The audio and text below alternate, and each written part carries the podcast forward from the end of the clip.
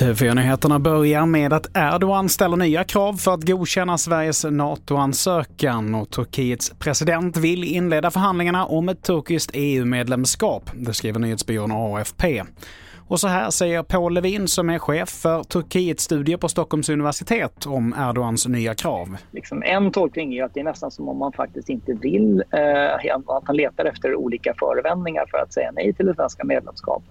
Eh, eller så är det så att han vill för, för, försöka få ut ännu mer eh, av detta.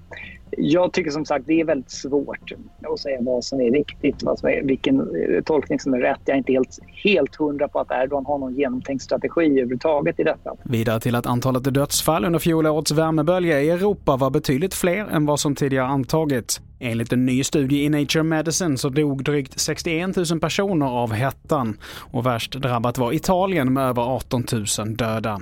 Till sist, Gröna Lund har öppnat igen efter den tragiska dödsolyckan i slutet av juni.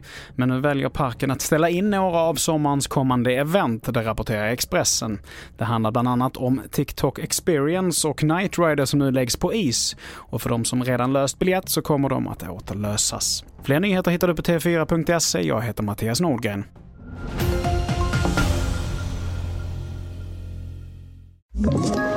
Ett poddtips från Podplay. I fallen jag aldrig glömmer djupdyker Hasse Aro i arbetet bakom några av Sveriges mest uppseendeväckande brottsutredningar. Går vi in med hemlig telefonavlyssning och, och då upplever vi att vi får en total förändring av hans beteende. Vad är det som händer nu? Vem är det som läcker? Och så säger han att jag är kriminell, jag har varit kriminell i hela mitt liv men att mörda ett barn, där går min gräns. Nya säsongen av Fallen jag aldrig glömmer på Podplay.